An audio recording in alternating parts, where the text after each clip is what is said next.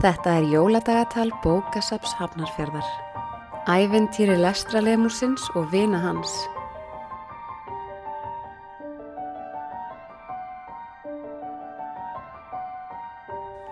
Þurrt var í veðri og heiðskýrt, svo viðblasti ægi fögur sín á himnum.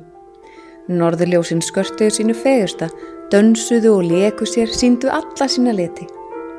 Lestralemúrnum fannst hugveikjandi að horfa þau, fannst þó eitthvað hátt sem þau var í liði með sér.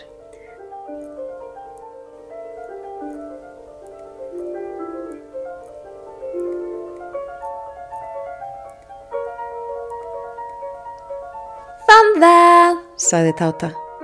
Þetta er ferkantað með þaki og bókum. Ska, máli leist!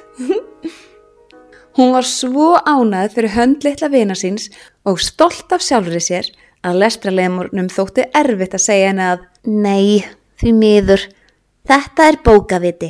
Lítur út eins og hús en er ekki hús. Á, eru þetta ekki bækur? Það er rétt, þetta eru bækur.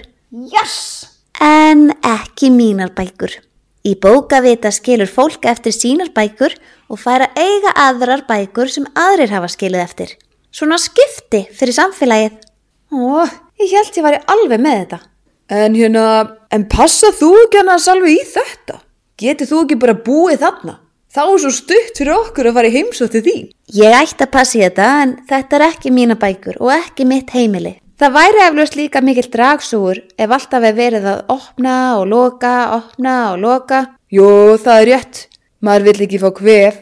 Nei, Ekki kvef. Nei, nei, nei, nei. Nei. Jæja, eigum við þá að halda áfram? Vinirnir trítla af stað, vel útbúnir og fullir bjart síni.